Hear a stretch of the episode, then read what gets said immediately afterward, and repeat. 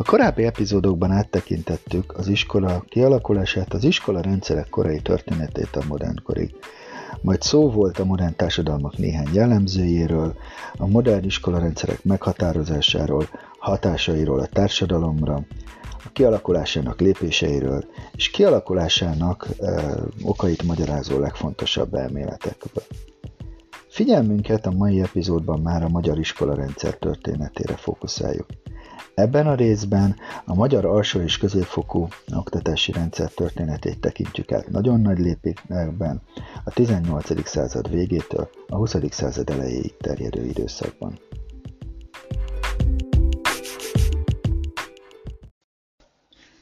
Ahogy a korábbi epizódban említettem, az iskolarendszerek fejlődésének nagy lökést adott a felvilágosult abszolutista uralkodók eh, időszaka. Magyarországon eh, a felvilágosult abszolutizmust Mária Terézia és második József eh, uralkodásának időszakára szokták tenni, akik közül az előbbi, tehát Mária Terézia iskolaügyi törekvéseit szokták a szakirodalom hangsúlyozni. Mária Terézia 1740-ben került a trónra, és uralkodása időszaka alatt folytatódott Magyarországnak a török kiűzését és Rákóczi szabadságharcot követő eh, lassú, de kitartó fejlődése. Uralkodásának első eh, háborúval terhelt időszaka után a királynő egyre inkább reformokat vezetett be, amelyek közül számos a gazdaságot, a társadalmi viszonyokat, az igazságszolgáltatást, vagy éppen a kormányzatot érintette. Reformjainak kiemelkedő területe volt az oktatásügy, amelyet számos intézkedésével próbált fejleszteni. Az 1770-es években Mária Terézia számos a tanügy az iskolasztatás kérdését érintő rendelkezést hozott. Mm, megtörtént az oktatásügyi igazgatás létrehozása, a tankerületek felállítása, de például a jezsuita rend feloszlatása is, amelynek nyomán a korábban jezsuiták által fenntartott iskolák és a jezsuita rend vagyona egyfajta tanulmányi alapba került, amelyben az, oktat, az uralkodó, az alsó, a közép és a felsőfokú oktatást támogatta. Megtörtént az elemi iskolák összeírása, de például a Nagyszombati Egyetemnek a Budára költöztetése is. Oktatási reformjai közül a legnagyobb hatású vagy legnagyobb szabású kétségkívül az úgynevezett első ráció edukációni szólt, amelyet 1777-ben adtak ki. A Ratio Educationis kérdése több éves munkárat előzte meg, amelyben a korszak magyar szakemberének jelentős szerepe volt. A királyi rendeletet, amelynek címét talán úgy lehetne legjobban lefordítani, hogy Magyarország és tar- csatolt tartományainak oktatási nevelési rendszere, a királynő végül is 1777. augusztus 22-én hagyta jóvá. Miközben a rendelet alapvetően érintetlenül hagyta a fennálló iskolák rendszerét, és nem kívánta megváltoztatni a fenntartókat sem, mégiscsak elsőként tett kísérletet egy olyan egységes oktatási nevelési rendszer létrehozására, amely közvetlenül az állam, illetve az államhatalmat képviselő uralkodó és kormányzat felügyelete alatt áll. A Ratio Educationis számos olyan rendelkezést hozott, amely, hogyha visszaemlékszünk, jól rímel azokra a jellemzőkre, amelyeket a modern iskolarendszerekkel kapcsolatban az előző epizódban elmondtam. A korábban említett tanügyigazgatás jó példa az állami felügyeletre, de a ráció rögzítette és szabályozta például az iskolák eh, egymáshoz való viszonyát, egymásra épülését és a különböző iskolafokok és típusok közötti kapcsolatot. A rendelet nem csak az iskola típusokat szabályozta az alsófokú oktatástól az egyetemig, hanem konkrétan az ottani tananyagot is, és az oktatás tartalmát is. És éppen ezért nagyban határozta meg a következő évtizedek fejlődését.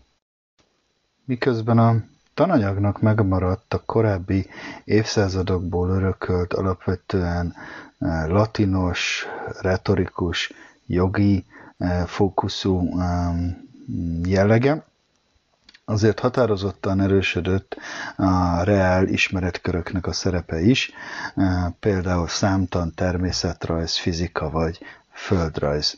A új tantárgyként vagy külön tantárgyként írta elő a ráció, történelem, az erkölcstan vagy az állampolgári ismeretek tanítását a gimnáziumban. A magyar nyelv szerepét alapvetően visszaszerette volna szorítani, eh, és a latin nyelv szerepét megerősíteni. Mindez szembe ment az akkor már évtizedek óta zajló e, folyamatokkal, mely szerint a magyar iskolákban egyre jelentősebb szerepet kapott a magyar nyelv. A ráció ezt a folyamatot legalábbis ideiglenesen e, megakasztotta. A latin nyelv esetében tehát egyfajta konzerváló szerepet töltött be, ugyanakkor azzal, hogy minden iskolafokon kötelezővé tette a német nyelv tanítását, tulajdonképpen jelentős modernizációt is hajtott végre. A ráció, tehát nagyon fontos dokumentuma a magyar iskolarendsztatás az iskola rendszerek fejlődésének, ugyanakkor hatását éverelmes óvatosan kezelni.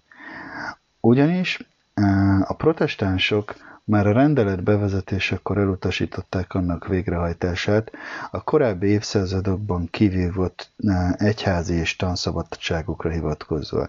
Így a ráció tulajdonképpen a legnagyobb hatást a katolikus egyház által fenntartott iskolák szerkezetére, életére, belső tartalmaira gyakorolta. Mária Terézia halála után a fia második József tovább folytatta a központosító törekvéseket, amely a protestáns rendek ellenállásába ütközött. Végül is ezek a rendek az 1790-91-es országgyűlésen tudták törvényben szavatoltan kivívni tanügyi szabadságukat, tanügyi autonómiájukat.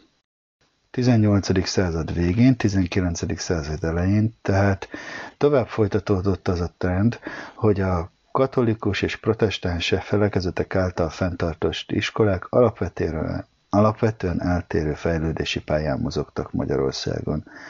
Mindemellett eh, egyre határozottabb trendként jelent meg az államhatalom szabályozni kívánó szerepe is, amely az első ráció után közel 40 évvel kiadott második Ratio Educationisban is szerepet öltött.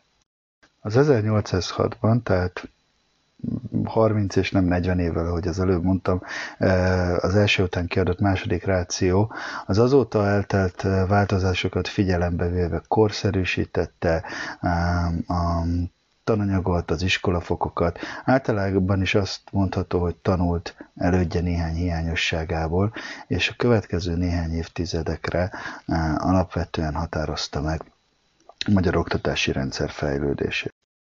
Az 1800-as évek első felében számos izgalmas fejlemény történt a magyar oktatási történetében, ebből csak kettőt szeretnék most röviden kiemelni.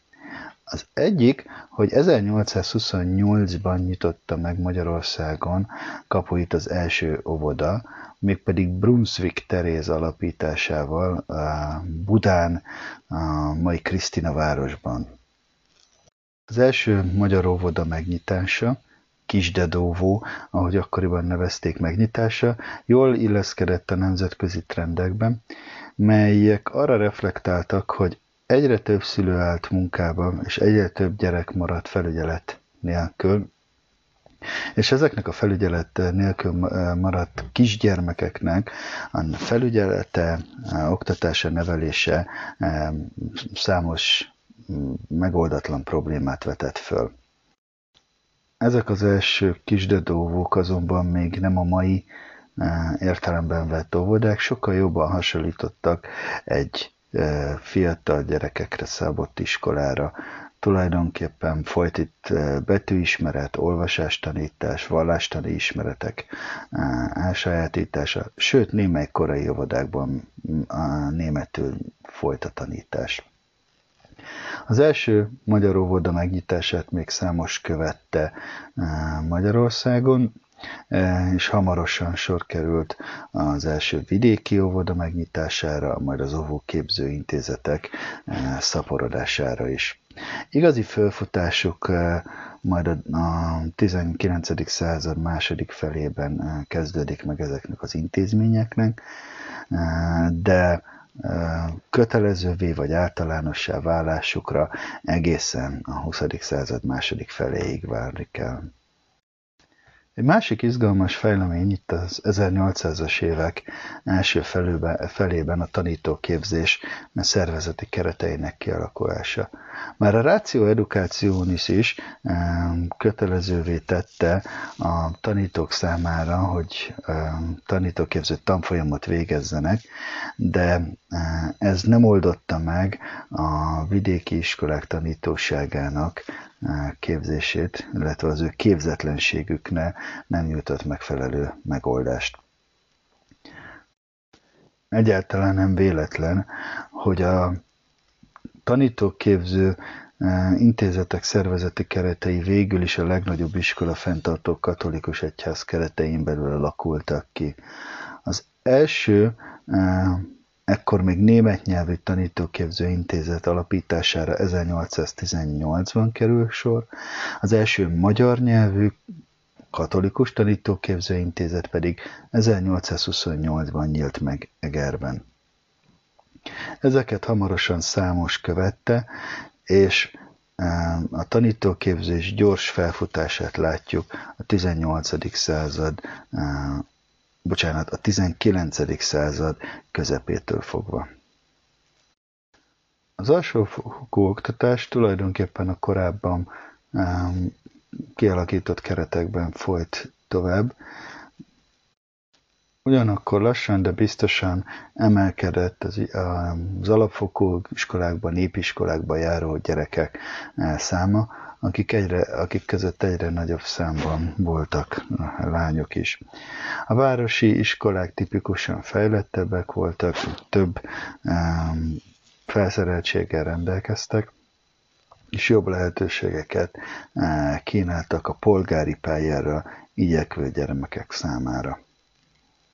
Polgárság és a polgárosodni vágyó jobbágyság felsőbb rétegeinek igénye végül is majd új városi iskolatípusok létrejöttéhez vezet, amelyekből a dualizmus időszakára a polgári iskolák rendszere fog kinőni. Az 1848-as forradalom felvillantotta a lehetőségét az önálló magyar oktatásügy, az önálló magyar oktatásügyi felügyelet, szabályozás, törvénykezés eh, létrejöttének, és bár a Batyányi kormányban eh, létrejött a Vallás és Közoktatásügyi Minisztérium, melynek vezetője Ötvös József lett. Végül is a szabadságharc időszaka alatt jelentős változtatásokra már nem került sor. A szabadságharc leverése után eh, a bécsi kormányzat visszatért a korábban kialakított keretekhez, és Alapvető trendként az 1850-es eh, évekre, az 1860-as évekre, eh, évek elejére elmondható, hogy tovább folyt az állami szerepvállalás lassú térnyerése, ami egyelőre inkább a felügyeletben mutatkozott meg, hiszen 1860-as évek előtt Magyarországon nem létezett állami fenntartású eh, iskola. Folytatódott az a trend is, amely szerint szépen lassan emelkedett a népiskolák száma, és a népiskolákban járó gyermekek száma is stabilan növekedett, ugyanakkor ez még nem érte el a gyermekek többségét ebben az időszakban. A jelentős változások majd az önálló magyar eh, oktatásügy megszervezésével a dualizmus korában kezdődnek el. Az önálló magyar oktatásügy megteremtésére a kiegyezést követően a dualizmus időszakában várt lehetőség. A kiegyezéssel Magyarország visszanyerte függetlenségének jelentős részét, és bár például a pénzügyekben, a hadügyekben vagy a külügyekben jelentős közös ügyek voltak az osztrák-magyar monarchiában, de az oktatásügyben a magyar kormányzat, a magyar parlament tulajdonképpen függetlenül dönthetett. Az új magyar kormánynak az egyik első oktatásügyi intézkedése volt a népoktatás törvényi rendezése. Ebben az új kormányban, az Andrási kormányban az az ötvös József töltötte be a népoktatásügyi miniszteri posztot, aki korábban a forradalom és szabadságharc idején is ugyanezen a poszton volt. A törvény vitája hosszasan elhúzódott, mármint a, a parlamentben, és végül is csak 1868 végén szentesítették a törvényt, és került kihirdetésre. Ez a törvény, az 1868. évi 38. törvény, a népoktatásról szóló törvény, amelyet szoktunk ötvösféle népoktatási törvénynek is nevezni, tulajdonképpen a következő évtizedekre alapjaiban határozta meg a népoktatási rendszer fejlődését, annak kereteit. Törvény talán legfontosabb intézkedése a tankötelezettség kimondása volt. Minden 6 és 12 év közötti gyermek, tehát a lányokra ez épp úgy vonatkozott, mint a fiúkra. Szóval minden 6 és 12 év közötti gyermek számára kötelezővé tette az elemi népiskola látogatását. Korábban is voltak már próbálkozások az iskolalátogatásnak a kikényszerítésére, akár a rációkban is, vagy a 19. század közepi intézkedésekben, de a népoktatási törvény volt az első olyan törvényerejű jogszabály, amelyik ezt eh, kimondta.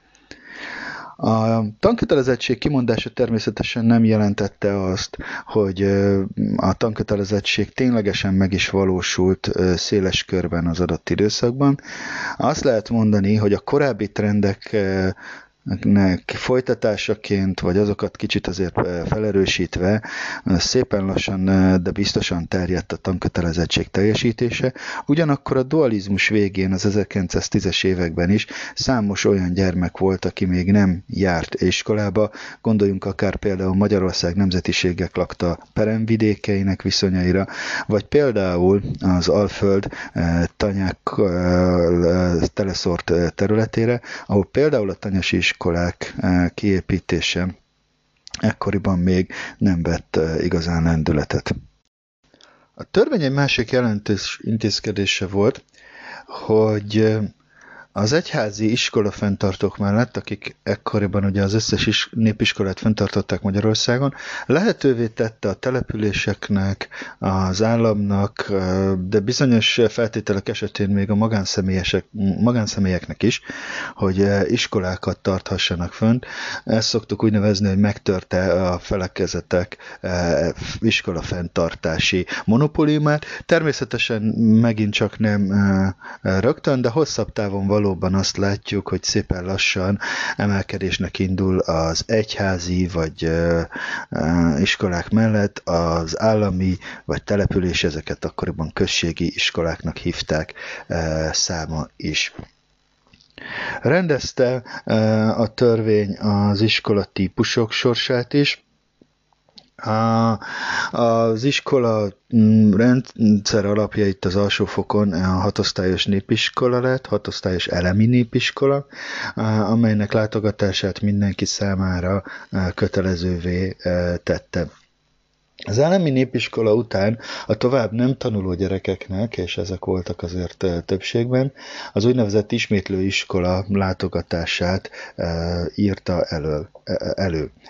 A Népiskolát azonban el lehetett hagyni eh, nem csak az ismétlőiskola felé, tehát nem csak oda lehetett tovább tanulni, hanem a felsőbb népiskola nevű intézménytípusba, amelyet eh, minden 5000 lakosnál nagyobb lélekszámú helységben eh, elrendelt felállítani, illetve A negyedik évfolyam után el lehetett hagyni a népiskolát tovább tanulni vágyó gyerekeknek az úgynevezett polgári iskola felé, vagy egyébként a középfok intézményei, a gimnázium vagy a reáliskola eh, felé.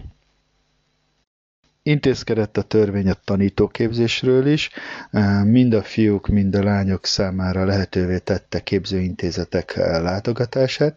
Egységesítette a képzési időt három évben, fölemelte tulajdonképpen a korábbi két éves képzési időtartamot, Egyébként ez a képzési időtartam már a dualizmus korában négy évre emelkedik, majd egyébként később tovább emelkedik a két világháború között és az azt követő időszakban. A tanítóképzők felszereltségét is előírta, és rendelkezett állami tanítóképző és tanítónőképző intézetek felállításáról is. Itt azt látjuk szintén, hogy a törvény nem azonnali és a radikális hatást hozott, hanem megteremtette azokat a kereteket, amelyben a tanítóképzés fejlődhetett a korábbi, későbbi, bocsánat, későbbi évtizedekben. Összességében tehát el lehet mondani, hogy az ötves féle népoktatási törvény megteremtette a modern magyar eh, közoktatás ügy fejlődésének jogi kereteit, és megszabta azokat a, az irányokat, amelyekbe a következő évtizedekben a az alsófokú oktatás, a népoktatás rendszere eh, fejlődött, változott.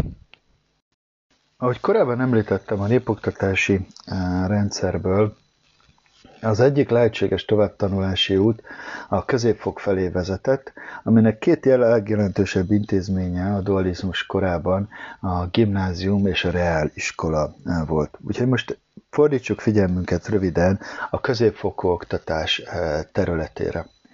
A magyar középfokú oktatásnak Természetesen több évszázados uh, hagyományai vannak. Uh, a protestantizmus és a katolikus megújulás kapcsán ez már szóba is került.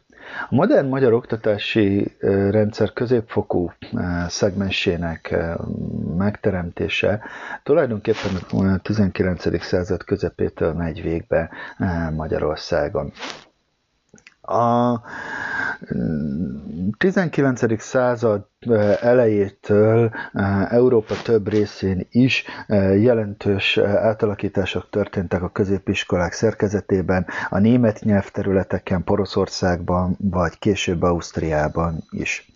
A magyar középfokú iskolarendszer eh, reformjának eh, apropója nem egy vidám esemény, hanem a szabadságharc leverése, amelynek eh, következtében a Bécsi Kultusz kormányzat úgy tekintette, hogy Magyarország elveszítette önálló államiságát és önálló törvénykezését, ezért automatikusan kiterjesztette Magyarországra is az osztrák középiskolák, az osztrák gimnáziumok és reáliskolák szervezeti szabályzatát, amelyet röviden a német neve alapján Entwurfnak is szoktak nevezni. Az Entwurf számos módon hatott a magyar oktatási rendszerre, szabályozta az iskolatípusokat, az iskolák időszakát, az iskolák felszereltségét, szabályozta a tananyagot és a, a vizsgákat is. Ezek közül a, szám, ezek közül a számos változás közül csak néhányat emelek ki a teljesség igénye nélkül. Egyrészt a korábbi hatosztályos gimnáziumi rendszer helyébe létrehozta a 8 évfolyamos gimnáziumot 10 és 18 év közötti fiúk számára, a gimnáziumi tanulmányok középpontjában a latin-görög nyelvi irodalmi képzés állt. Ez egészült ki ebben az időszakban az élőidegen nyelv, elsősorban a német tanulásával. A az Entwurf vezeti be Magyarországon az érettségi vizsgát. Az érettségi vizsga szintén egy fontos mérföldkő itt a magyar középfokoktatás fejlődésében, mert egyik fontos következménye, hogy élesen elválasztja egymástól a középfokot és a felsőfokot azzal, hogy a középfok végén egy, a tanúsítványt, egy tanúsítványt ad ki az elvégzett tanulmányokról. Létrehoz egy másik középiskola típust is, az úgynevezett reáliskolát, amely ekkoriban még csak egy hat éves intézmény, ugyanakkor ez később már az 1870-es évektől ugyanúgy nyolc osztályos intézményé fejlődik, mint a gimnázium. Fontos intézkedése még ennek az Entwurfnak, ennek az iskola szabályzatnak, hogy kimondja, hogy a középiskolákban csak középiskolai tanári képesítéssel rendelkező szaktanárok taníthatnak, vagyis tulajdonképpen kötelezővé teszi a tanárképzés elvégzését a középfokra belépő szaktanárok számára, és ezt egyébként az egyetem feladatává teszi. Az Entwurfot, bár hivatalosan az 1860-as évek elején visszavonják itt az osztrák-magyar enyhülési folyamat részeként, de igazából azt lehet mondani, hogy évtizedekre meghatározta a magyar középfokú oktatásnak a szerkezetét. A dualizmus időszakában bár voltak más elképzelések is a középfokról, ötvös például egy francia mintára felépülő középfokú rendszert szeretett volna bevezetni, mm, Szóval, hogy voltak más elképzelések, de végül is a szerkezetileg az Entwurf által kialakított a gimnáziumból és a reáliskolából álló középfokú iskolarendszer szilárdult meg. Ezt majd egyébként törvényben Magyarországon az 1883-as törvény, középiskolai törvény iktatja. Ez az 1883-as középiskolai törvény mind a gimnáziumot, mind a reáliskolát 8 éves, 8 osztályos iskolatípusként határozza meg. Mind a két intézmény típus esetében érettségi vizsgával zárulóan. A gimnázium egyébként elsősorban a humanisztikus tanulmányokra és a klasszikus latin-görög műveltségre helyezte a hangsúlyt.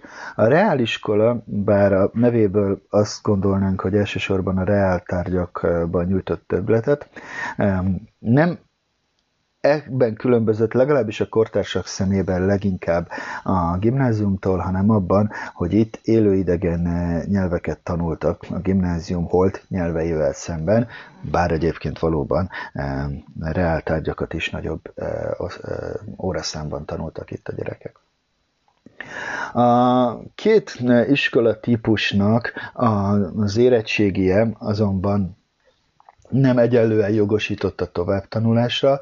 A gimnázium érettségie minden típusú intézményben jogosított. A reáliskola érettségie azonban magában csak a műegyetemre, a matematikai és természettudományi karokra vagy gazdasági főiskolákra, mint például a bányászati és erdészeti akadémiák ennek oka egyébként elsősorban az eltérő eh, nyelvi tanulmányokban keresendő, ugyanis eh, az lehetséges volt, hogyha valaki eh, reáliskolát végzett, de mondjuk olyan tanulmányokat szeretett volna folytatni, amihez latin vagy görög nyelv volt szükséges, akkor különbözeti érettségi vizsgát tehetett, és akkor tovább tanulhatott.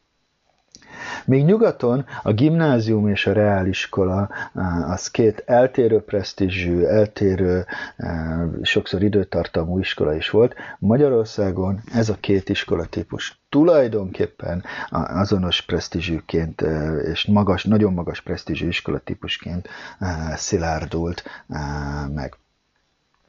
Mindezek a középiskola típusok, amelyekről én beszélek, ezek 10 mm, és 18 év közötti fiúk számára álltak rendelkezésre. Lányok ekkor hivatalosan nyilvános tanulóként még nem járhattak középfokú iskolába. Nagyon sokan felvetették már ebben az időszakban, hogy ez nem egy tartható helyzet, hogy tulajdonképpen a népiskolából tovább tanuló lányok számára csak a polgári leányiskolák állnak rendelkezésre, a a hagyományos középfoknak az intézményei nem. Magántanulóként, magánérettségit tevőként természetesen már ekkor is voltak lányok a középiskolában, de nagyon eh, kicsi számban, és végül is egészen eh, az 1890-es évekig kellett várni arra, hogy a leányok előtt is némileg megnyissák a középfoknak a kapuit hivatalosan is.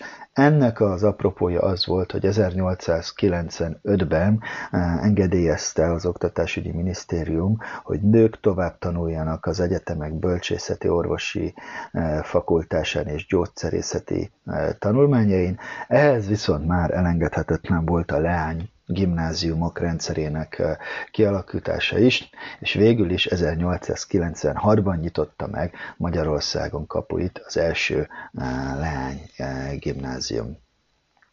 Ezek az iskolák is eh, majd szépen lassan eh, fejlődésnek indultak, de számuk eh, azért összességében elmarad majd a fiúiskolákétól, és némiképpen a tananyaguk és az elvárt követelmények is különböztek.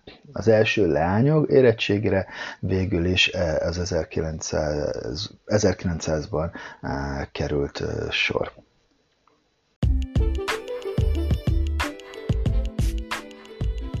Ebben az epizódban nagy léptékben a magyar alsó és középfokú iskolarendszer történetét tekintettük át, a 18. század végétől a 20. század elejéig. A következő részekben a két világháború közötti időszakról lesz szó.